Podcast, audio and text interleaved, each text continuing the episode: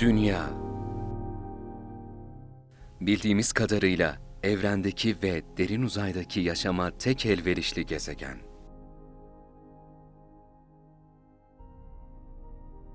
Acaba evrende başka dev dünyalar ve buralarda yaşam var mı?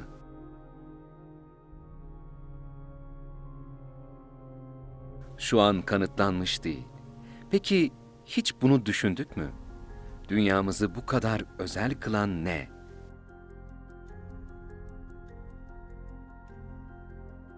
Sanırım bunu iyi düşünmemiz gerekiyor. Ve bunun için dünyamızın ilk oluşumuna gitmemiz gerekiyor.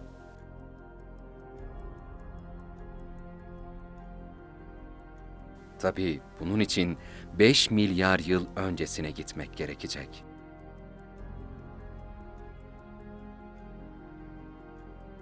Sizce bunu başarabilir miyiz? Dünyamızın oluşumunu tam olarak anlayabilmemiz için dünyadaki ilk insanın ayak seslerine gitmemiz lazım. Ya da ismini bile bilmediğimiz dev varlıkların ölüm dolu, korkunç çığlıklarına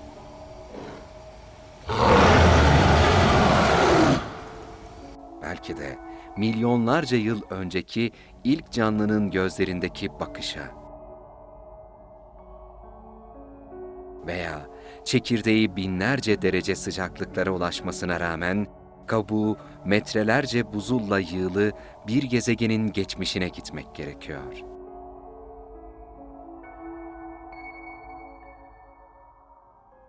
Güneş sisteminin ilk olarak Emanuel Swedenborg tarafından 1734 yılında öne sürülen, daha sonra Immanuel Kant tarafından 1755 yılında genişletilen bulutsu varsayıma uygun olarak oluştuğuna inanılmaktadır.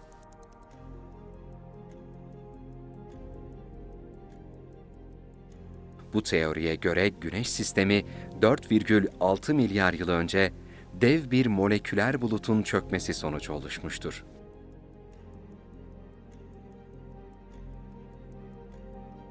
Bu ilk bulutun birkaç ışık yılı genişliğinde olduğu ve birkaç yıldızın doğumuna sebep olduğu sanılmaktadır.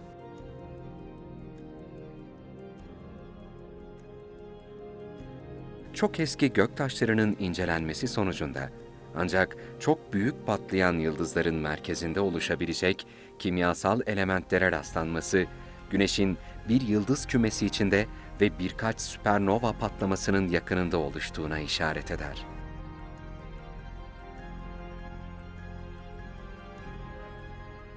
Bulutsunun içindeki maddeler yoğunlaştıkça içindeki atomlar artan frekanslarla çarpışmaya başladı.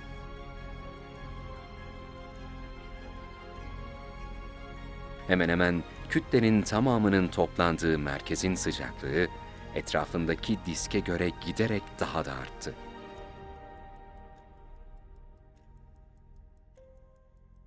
Kütle çekimi, gaz basıncı, manyetik alanlar ve dönüş, küçülen bulut suyu etkiledikçe kabaca 200 astronomik birim çapında kendi etrafında dönen gezegen öncesi bir diske dönüştü. Ve merkezde sıcak ve yoğun bir ön yıldız oluştu. Güneşin evriminin bu dönemine benzeyen, genç, birleşme öncesi güneş kütlesine sahip Tori yıldızları üzerine yapılan incelemeler, sıklıkla gezegen oluşumu öncesi disklerin bu tür yıldızlarla bir arada bulunduğunu gösterir.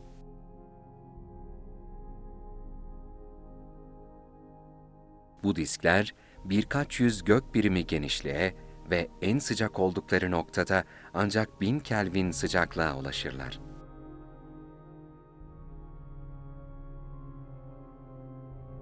Geride kalan gaz ve tozdan ibaret güneş bulutsusundan çeşitli gezegenler oluşmuştur.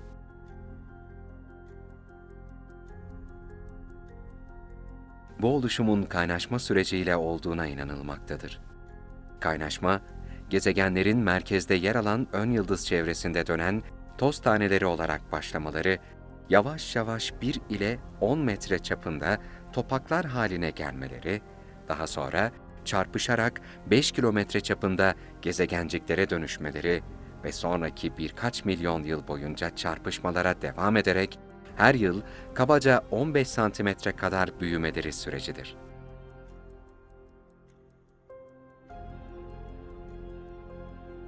Güneş sistemi, su ve metan gibi uçucu moleküllerin yoğunlaşmasına izin vermeyecek kadar çok sıcaktı. Dolayısıyla oluşan gezegencikler, gezegen öncesi diskin yalnızca %0,6 kütlesinden ibaretti. Ve genel olarak silikatlar ve metaller gibi yüksek erime noktasına sahip olan kimyasal bileşiklerden oluşmuşlardı.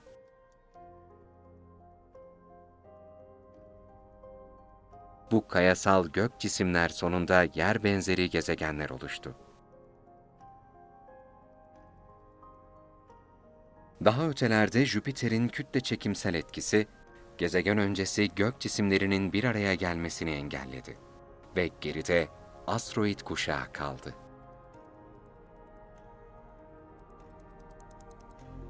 Daha da ötede, donma hattının gerisinde, daha uçucu olan buzlu bileşiklerin katı kalabileceği yerde Jüpiter ve Satürn gaz devi haline geldi.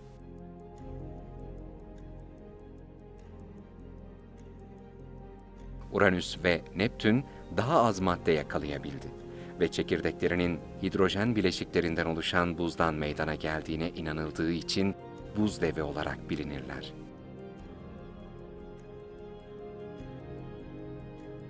Genç güneş enerji üretmeye başladıktan sonra güneş rüzgarı gezegen öncesi diskte bulunan gaz ve tozu yıldızlar arası uzaya doğru gönderdi ve böylece gezegenlerin oluşumunu durdurdu.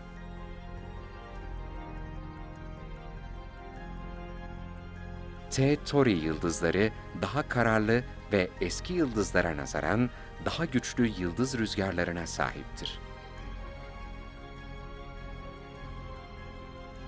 Gökbilimciler, Güneş sisteminin Güneş ana koldan uzaklaşmaya başlayıncaya kadar bugünkü haliyle kalacağını tahmin etmektedir.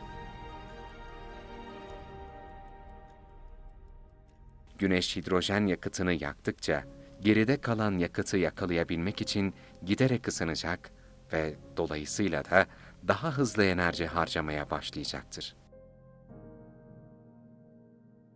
Sonuç olarak kabaca her yıl 1,1 milyar yılda bir %10 oranında parlaklığı artmaktadır.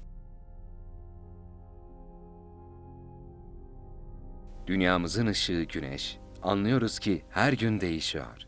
Her gün tonlarca enerji harcayarak hafiflemeye devam ediyor. Biliyoruz ki güneşin de bir ömrü var ve o da bir gün bir süpernova olarak yaşamına son verecek.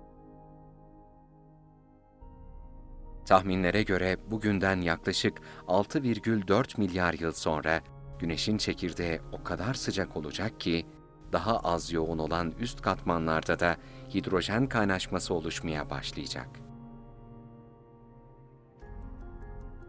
Bunun sonunda Güneş şu anki çapının 256 katı kadar genişleyecek ve bir kırmızı dev olacaktır. Sonra da oldukça artmış olan yüzey alanı nedeniyle soğumaya başlayacak ve parlaklığını yitirecektir.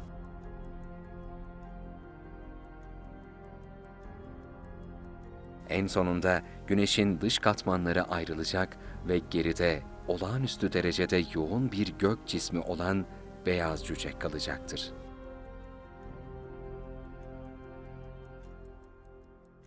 Bu beyaz cüce, Güneş'in ilk kütlesinin yarısına sahip olacak ancak büyüklüğü dünya kadar olacaktır.